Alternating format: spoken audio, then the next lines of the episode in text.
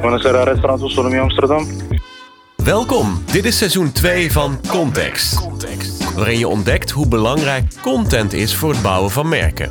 Anne en Jens van NS5 bestellen elke maand pizza Eh, ik ga gewoon weer voor de vegetarianen. en gaan in gesprek met de crazy ones uit de journalistiek, film en uitgeverswereld. Wat kunnen merkbouwers leren van deze pioniers?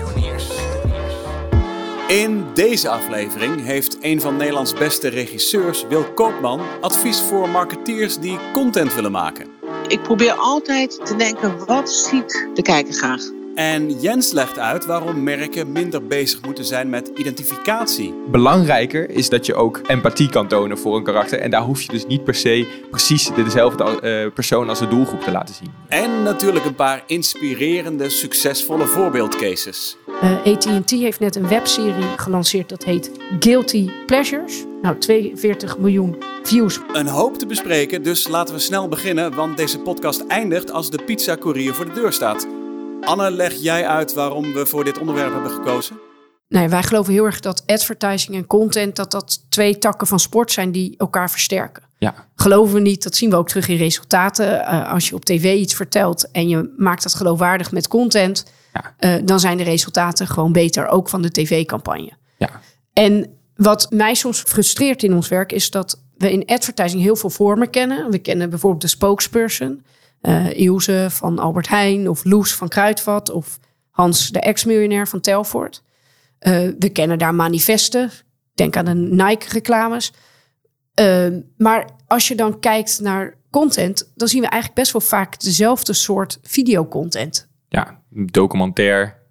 Kijk, dit is eh, die persoon, persoon X, die heeft dit meegemaakt. Maar nu eh, heeft ze toch de passie nagegaan. eh, en dan, eh, Precies. oh, wauw, wat een mooi einde. En, eh, Portretjes, ja, vormpjes, dat ja, is- dat is wat je 13 het meeste dozijn eh, portret. Ja, Ik denk dat wel 80 tot 90 procent van alle videocontent die gemaakt wordt, dit soort content is.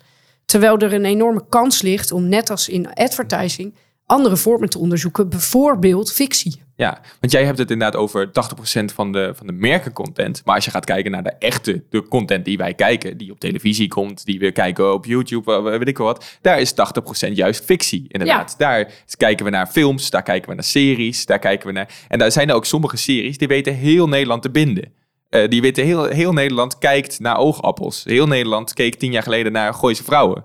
Ehm, maar ja, dus daar ligt voor een, merken natuurlijk een gigakans. Soort van als zij de volgende oogappels weten te creëren. En dat is eigenlijk, dat ligt al heel dichtbij. Soort van Albert Heijn hoeft maar een hele sterke serie neer te zetten Ja. met Ilse. Soort van eh, de Kruidvat maar een hele sterke serie neer te zetten met Loes. En dan kunnen ze de heel Nederland daar langdurig maar binden. dat is de uitdaging. Prima, wij zijn volgens mij als reclamemakers heel goed in 30 seconden Ja. boeien op tv. Maar wat als die 30 seconden een uur aflevering wordt? Keer acht Hoe, voor seizoen 1. hoe doe je dat? Keer vijf voor vijf seizoenen. Wat kan je als marketeer leren? Welke ingrediënten moet je dan zoeken? Nou, volgens mij moeten we dat gaan vragen aan de regisseur van Nederland, vind ik. Want Gooise Vrouwen en nou, zeker Oogappels is een van mijn favorieten. Voor jou, Gooise vrouwen, ik ben eh, een groot Martin Morero fan. oké. Nou, Gooise Vrouw van jou. Eh, Wil Koopman, de regisseuse, eh, zij weet als geen ander een groot publiek te boeien met fictie. Ah, ik hoor een momentje voor de voice-over, want terwijl Anne en Jens digitaal contact zoeken met Wil Koopman, zal ik heel kort haar cv met je doornemen. In 1998 werkte deze regisseur al mee aan Baantje.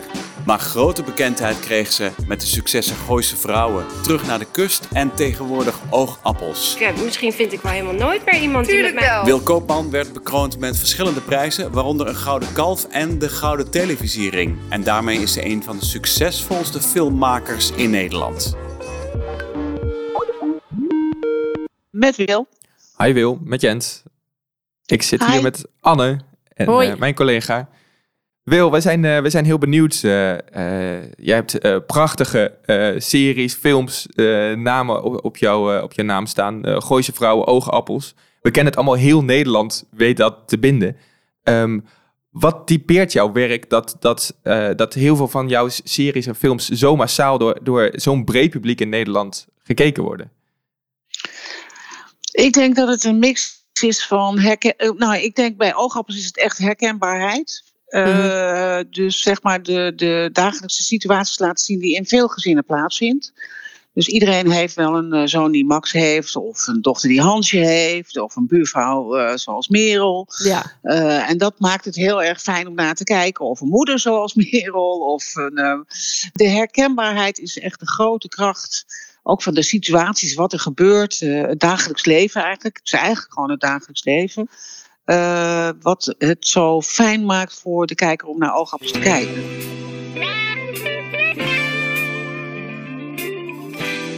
En bij Gooise Vrouwen was dat natuurlijk een, een enorme uitvergroting van het gooi. Maar daardoor ook zo fijn dat ook rijke mensen een probleem hebben. Het gaat niet om het grote mooie huis. En Ah, nee. de prachtige omgeving. De snelle auto's voor de deur.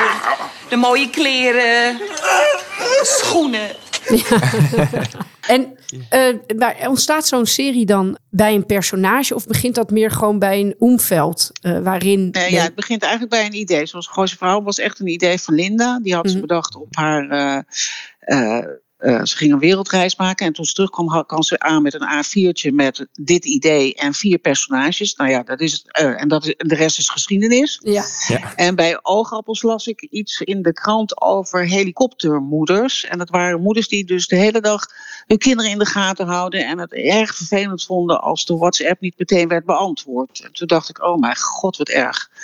Eh, dat je zo bovenop je kinderen zit. En ik vond ook echt wel dat alle kinderen op dit moment, of niet alle, maar gewoon dat veel kinderen op worden gevoed als eh, eh, eh, het wereldwonder, zullen we maar Ja. zeggen. Ja. Ja, dus je ziet daar een maatschappelijke trend. Maar, eh, die- die- en dan de individuele personages die Ja. gaan je invullen. Die worden op een gegeven Ja. moment heel herkenbaar. Zijn dat dan Ja. personages uit jouw omgeving? Ken, ken je deze Nou, die mensen? heb ik wel, dat heeft wel Roos heeft het bedacht. En, en met Lex en ik, zeg maar. eh Mhm. We bedenken het met z'n drieën. Ja, je geeft natuurlijk gewoon zo'n merel. Geef ik wel een. Ja, dat, dat schrijft Roos dan. En dat zie ik dan helemaal voor me. En dan geef ik het wel een beetje wat mee van mensen uit mijn omgeving natuurlijk. Ja. Ja. Eh, want dat is altijd heel fijn. Dan kan je altijd toch een beetje ook, dan kan je ook dingen in kwijt. Dan denk je, oh ja, maar die, het is wel leuk hè, als die een beetje, ja, dan beetje dat, eh, dat, eh, dat, dat kouwen, zeg maar, eh, van Merel, dat niet kunnen houden van, dat heb ik echt wel, dat ik dacht, oh ja, maar dat is echt wel typisch die en die. Dus ik ga wel heel goed kijken. Dus die heb ik echt ook heel goed geobserveerd. En is zo'n personage dan uiteindelijk precies die persoon die je geobserveerd hebt? Of, of een mix van Ja. verschillende personen? Nou, of is het echt een hele erge uitvergroting? Want ik kan me voorstellen dat daar een bepaalde schaal tussen zit. Hoe erg je eigenlijk een stereotypering van iemand wil neerzetten. Of hoe erg je een persoon echt in zijn hele... Nee, je moet hem echt, weet je wel. Kijk, zo'n Merel heeft natuurlijk gewoon ook een andere kant. En die moet je ook laten zien. Ja. En dat, dat zit natuurlijk ook in ieder mens. zit ook altijd een andere kant. Dus je kan niet, want dan wordt het eendimensionaal en totaal niet interessant. Dus Ja. juist zijn de momenten dat ze alleen zijn, alleen is, zeg maar, eh, ja, dat maakt haar ook zo interessant. ja. Eigenlijk ben je een soort antropoloog. Ja, ik vind het heel fijn bijvoorbeeld om in een tram te zitten in Amsterdam. Ja. Dan kan ik mensen observeren. Dat vind ik echt heerlijk. Iedereen verklaart me altijd voor gek dat ik alles doe met de tram. Ik denk altijd aan nee, want ik zie dus gewoon mensen. Ja. En ik zie hoe mensen met elkaar communiceren. En dat vind ik altijd e- enorm interessant. Nee, dit is een beetje, wij zeggen altijd ook tegen onze junior creatieven. Ga niet naar een museum voor inspiratie. Ga tweede klas in de trein zitten. Want Ja. daar zie je de kleine momenten, emoties, er gebeuren dingen die je kan Ja. gebruiken in je werk. En ook om dit soort paradijsvogels tegen te komen, die zo gekleurd door die. Denk je, nou ja, dat zou ik nou nooit zo aantrekken, maar het heeft wel wat. Nou ja, en dat neem je dan weer mee. Ja. ja, nou kijken wij naar dit verhaal ook echt met, de, met een merkenbril vanuit adverteerders. Want wij, wij zien echt een hele grote kans dat eigenlijk merken ook eh, veel meer fictie-series, lange, langere content zouden kunnen gaan maken. Eh, wat we nu al- alleen maar op tv zien zijn 30 seconden videootjes van de familie van Albert Heijn of de familie van Jumbo of de, van, van ja, de maar wij mogen geen reclame maken. hè? Nee, nee, klopt. Maar zij zouden natuurlijk wel op hun eigen kanalen iets kunnen maken. wat, wat eh, misschien eh, in het beste geval net zoveel mensen zou, zou aanspreken. Of ja, in dat, ieder geval dat is best dat. een heel goed idee. Ja. Ja. dat vind ik eigenlijk wel een heel goed idee. En dat zou je kunnen doen. Ik heb ook heel veel voor Linda TV gedaan. Ja, In, in korte, moment, in korte filmpjes van acht minuten of vier minuten, weet je wel. is ook Mhm. leuk, want dat is ook fijn. Dan kan je het kijken in de tram of je kan het kijken even als je staat te koken. Dus dat zijn hele goede momenten. Je moet het gewoon niet te lang doen. Ik denk dat je Ja. dan vier tot acht minuten moet maken. En dat is net fijn. zo lekker concreet. Ja. Ja, nee, ik heb ooit een moord gedaan, of tenminste mij eh, eh, ontwikkeld voor Linda TV. Dat was één moord in acht afleveringen. En elke aflevering duurde acht minuten. En uh, ik weet nog dat ik in lijn 13 zat. En ik zat aflevering 7 te bekijken. En uh, een, een, man kwam over mijn schouder meekijken. En die zei, wat is dit? Toen zei ik, dat is een hele goede serie, meneer, voor Linda TV. en erg spannend. En het was echt heel erg leuk. Maar wat kan ik de creatieven die hier werken meegeven als zij van 30 seconden naar 4 minuten moeten? Dat is wel even een ander script. Nou ja, je moet gewoon goed een lijn weten. Je moet goed weten waar je de beats maakt. Want het heet, dat, dat, dat is ook van, uh, zeg maar in de oogappels gaat het altijd ergens naartoe. Het gaat ergens over. Maar lenen de, de personages zich ervoor? Want jij zei eerder, uh, een personage is, is, moet wel niet een eendimensionaal personage zijn. Terwijl Nee, als je bijvoorbeeld in de Jumbo-reclame, daar heb je Frank Lammers. Ja. Die wordt dan eh, iets meer als een stereotypering neergezet. Leent zo'n Frank Lammers zich om wel in, in een vier minuten, ja, acht maar minuten... hij is ook wel aandoenlijk. Hè? Hij Mhm. is zeg maar on- onhandig, maar ook aandoenlijk. Ja. Bedoel, In die kerstreclame met al die eh, eekhoorntjes. Ja, ik, moet, ik vind het echt eh, aandoenlijk om naar hem te kijken. Ik vind Ja. het ook wel een, wer- werkelijk een hele warme beer. Laat ik het zo zeggen. Ja, dus daar zit wel echt potentie in om daar langer Ja. naar te kijken. Ja, absoluut. Absoluut. Nou, ik, alle, alle marketeers die luisteren, die denken, oké, ik, eh, ik, ik zie je kansen dus. Als jij een marketeer nog een advies zou kunnen geven. Hè? Want wat ik zo goed vind aan jouw werk is dat het een enorm groot publiek aan zich kan binden. Ja. Ehm, of je nou kinderen hebt of geen kinderen. eh oogappels is heel herkenbaar. eh, eh, weet je, wij kijken dat bijna met het hele gezin. Mijn ouders vanuit Deventer en ik vanuit Amsterdam. En dan gaan we daarna weer over appen. Ehm, hoe zo'n groot publiek aan je binden, wat is daar echt belangrijk in? Nou, gewoon te zorgen dat je kijkt met blik van de kijker.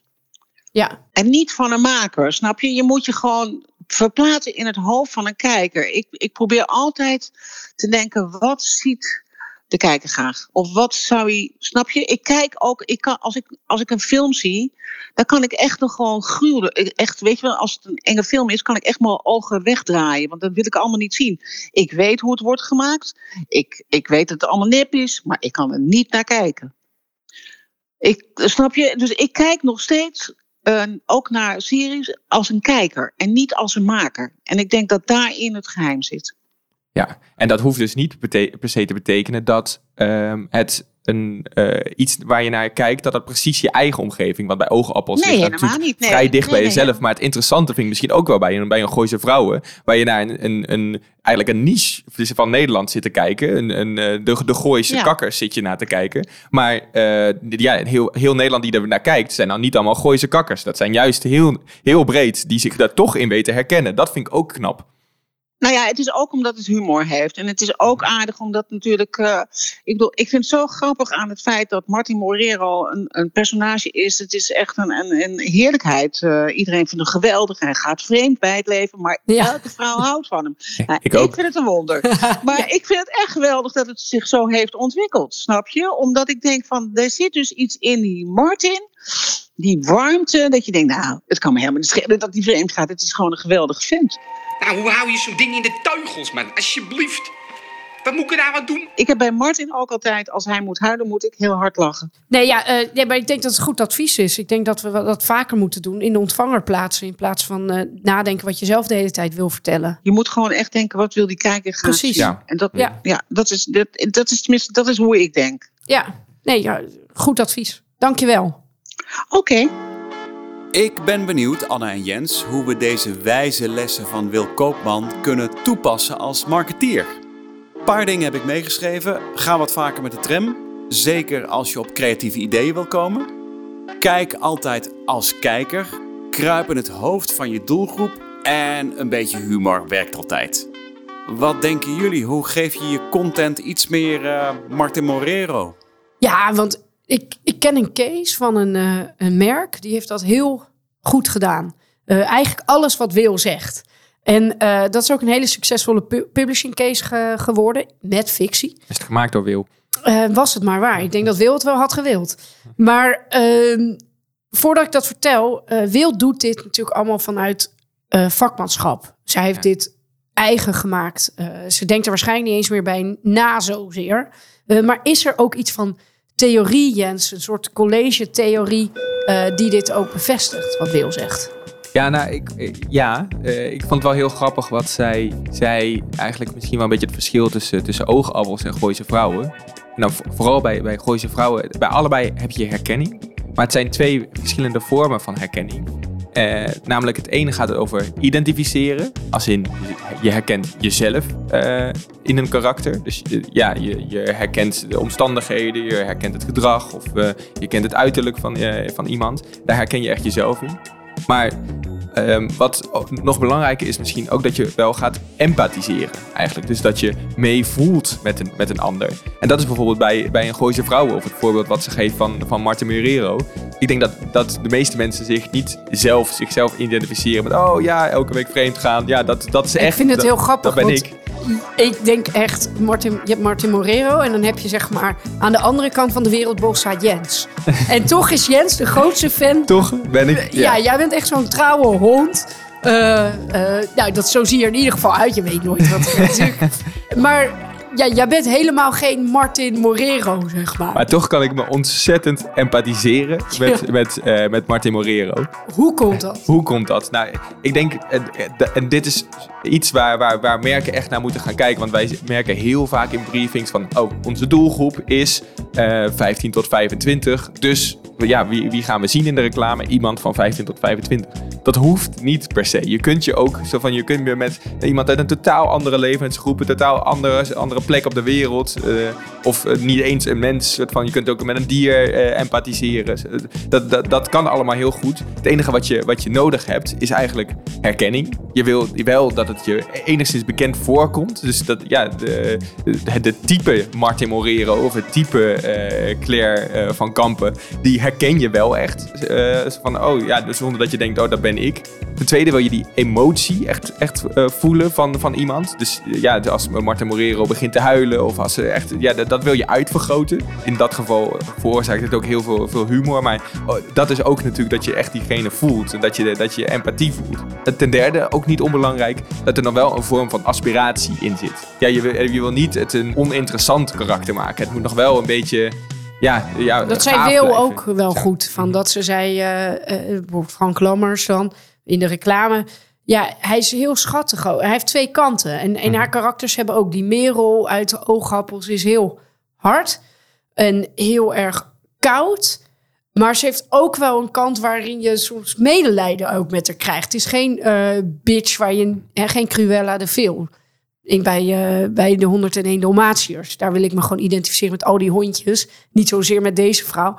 Maar bij oogappels, ja, die karakters hebben allemaal verschillende kanten. Waardoor er herkenning is, maar ook een soort empathie ontstaat. Je ziet dit ook eigenlijk gebeuren bij de Albert Heijn. Of dit is misschien persoonlijk vanuit mij. Maar daar hebben we natuurlijk allemaal heel lang gekeken naar eh, eh, de Harry Piekema. De, de, de oude eh spokesperson van, van. Albert Heijn. En de nieuwe Albert Heijn spokesperson, eh, Ilse heet ze. Ehm, ja, allebei zijn ze goed hoor. Ze, ze- en de, de Ilse moet je natuurlijk ook het voordeel van de twijfel krijgen dat ze nog moet groeien. Maar wat er duidelijk bij, bij Ilse is geprobeerd, is om veel meer de identificatie te pakken. Ik kan werk en privé heel goed scheiden, ja. Die is volgende week in de bonus. bij de oude supermarktmanager kon ieder, iedereen zich ermee empathiseren. Want het was een beetje een, een vrolijke sukkel, maar je, kon je, wel, je dacht ook wel van, ah, het, was, het had zoveel sympathie. eh, het maakte eh, Albert ja, Heijn als grote blauwe reus ook Ja. gewoon sympathieker. Precies. En, maar het, waarschijnlijk heeft daar toch ook in de briefing gestaan van ja, we willen toch ook dat mensen zichzelf er meer in gaan herkennen. Dus nu lijkt eigenlijk de spokesperson met het hele familietje, met ook eh, inderdaad een, een eh, kinderen, vrouw, man, oma, alles, alles erbij. Is het veel meer iets van oh, we proberen dichter bij de, bij de persoon te komen. Terwijl zo van niet dat dat niet kan werken, want dat is natuurlijk eh, Wil Koopman doet dit ook met, met oogappels, wat ook veel dichter bij, Ja. de, de, bij de kijker staat. Maar ik zou toch ook willen uitdagen van kijk ook, eh, belangrijker is dat je, dat je ook empathie kan tonen voor een karakter. En daar hoef je dus niet per se precies de- dezelfde eh, persoon als de doelgroep te laten zien. Het is wel interessant, want het is. ehm, ik denk dat dat misschien wel een beetje een trend momenteel is met alle spokespersons. Ja, het is veel identificeren, maar wat misschien nog wel een grotere valkuil is, eigenlijk, wa- wat je bij merken vaak ziet, is omdat ze willen dat zoveel mogelijk mensen zich ermee kunnen identificeren, want ze denken alleen dan gaat iedereen het kijken.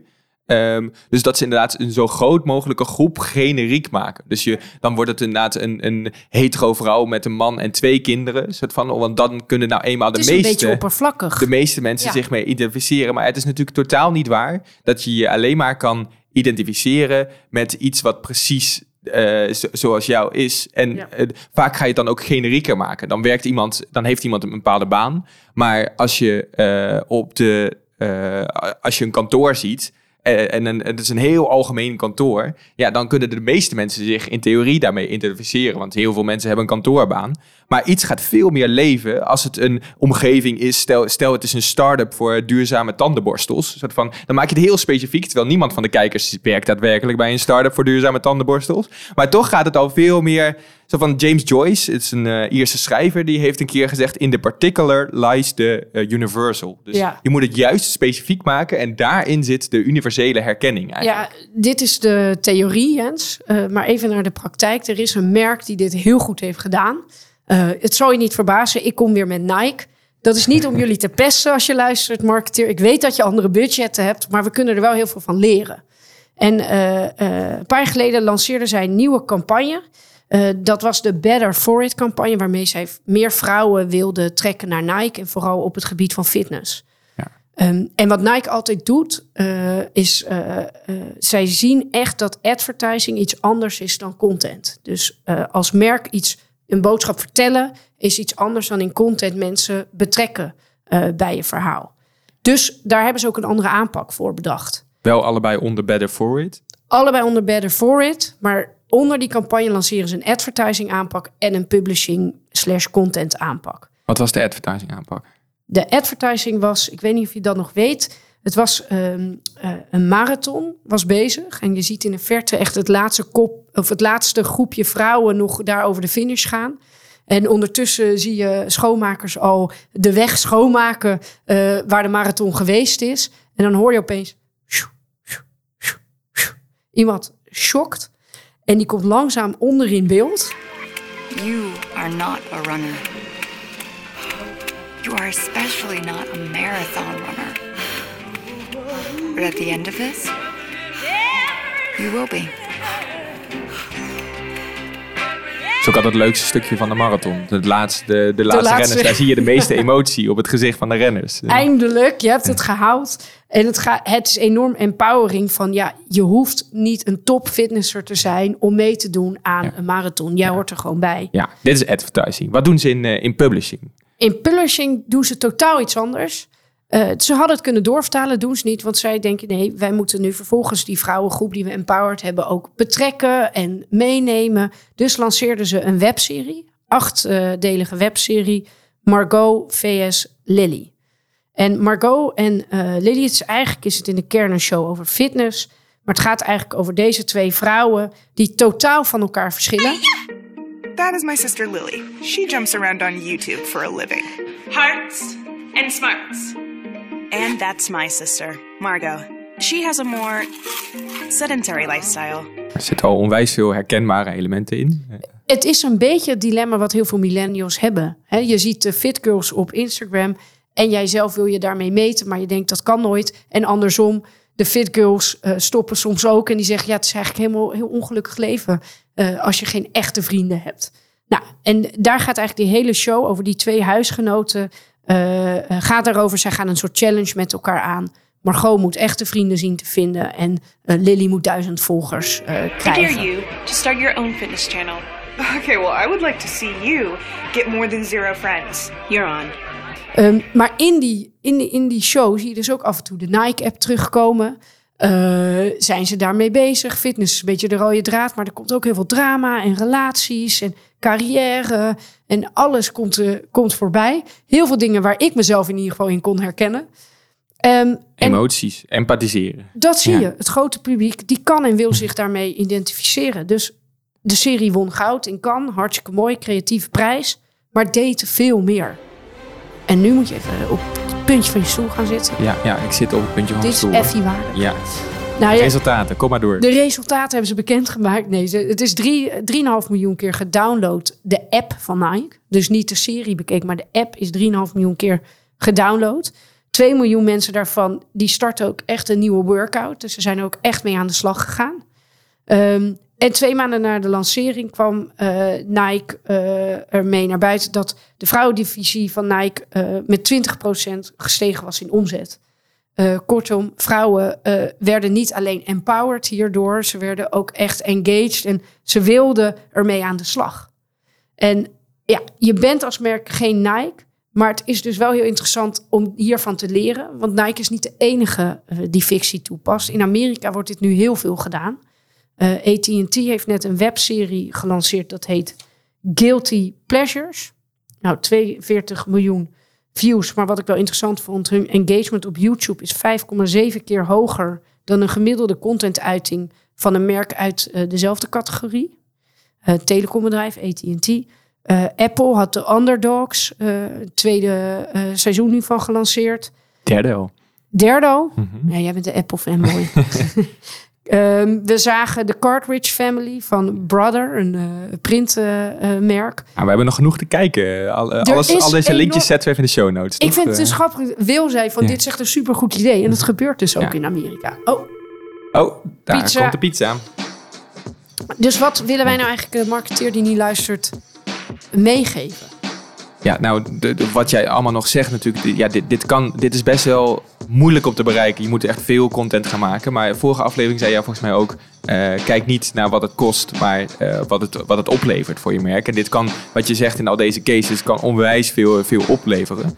Dus je moet, maar je moet beginnen al bij de briefing te kijken... kunnen we over een andere vorm nadenken in content... dan een simpel documentair uh, formatje. Want als je gaat kijken naar de, de, content die de meeste mensen kijken... waar je dus het meeste bereikt, de meeste mensen mee kan binden... dan heb je het heel vaak over fictie. Kunnen we misschien wel als, als, uh, als merk echt een serie maken... waar we echt karakters creëren, driedimensionaal... Die, waar mensen zich mee kunnen identificeren... maar vooral ook empathiseren. Waar we echt denken, oh ja ja, hoe creëren we nou onze eigen Martin Morero als, ja. uh, als merk? Ja, want dankzij Cheryl kan ik gewoon met opgeheven hoofd het leven verder in. En mocht je nou op zoek zijn naar een beetje inspiratie, check dan even de show notes van deze podcast. Daar zetten we even een aantal goede voorbeelden van uh, fictieseries in. Uh, maar alle favorieten, die ga ik er toch inroepen. Oh, de pizza komt eraan, maar ik kan het nog net zeggen. Die duurt, is een film van acht minuten van Longchamp. Longchamp is een heel chic Parijs tassenmerkje.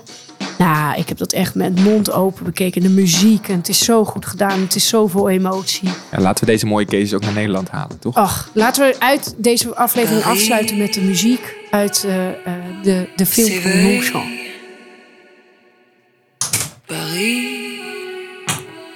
Oh, mooie muziek. Ja, ja Kijk eens. wel, Wendy. Echt Frans die pizza. est bien dressé entre la nuit et la journée. Il est 5 heures, Paris. Eet smakelijk jongens, want pizza betekent het einde van deze podcastaflevering. Volgende keer gaat het trouwens over dit medium, podcast. Dus luister dan weer en raad deze podcast ook aan aan andere vakgenoten. Vinden we fijn. Dit is Context.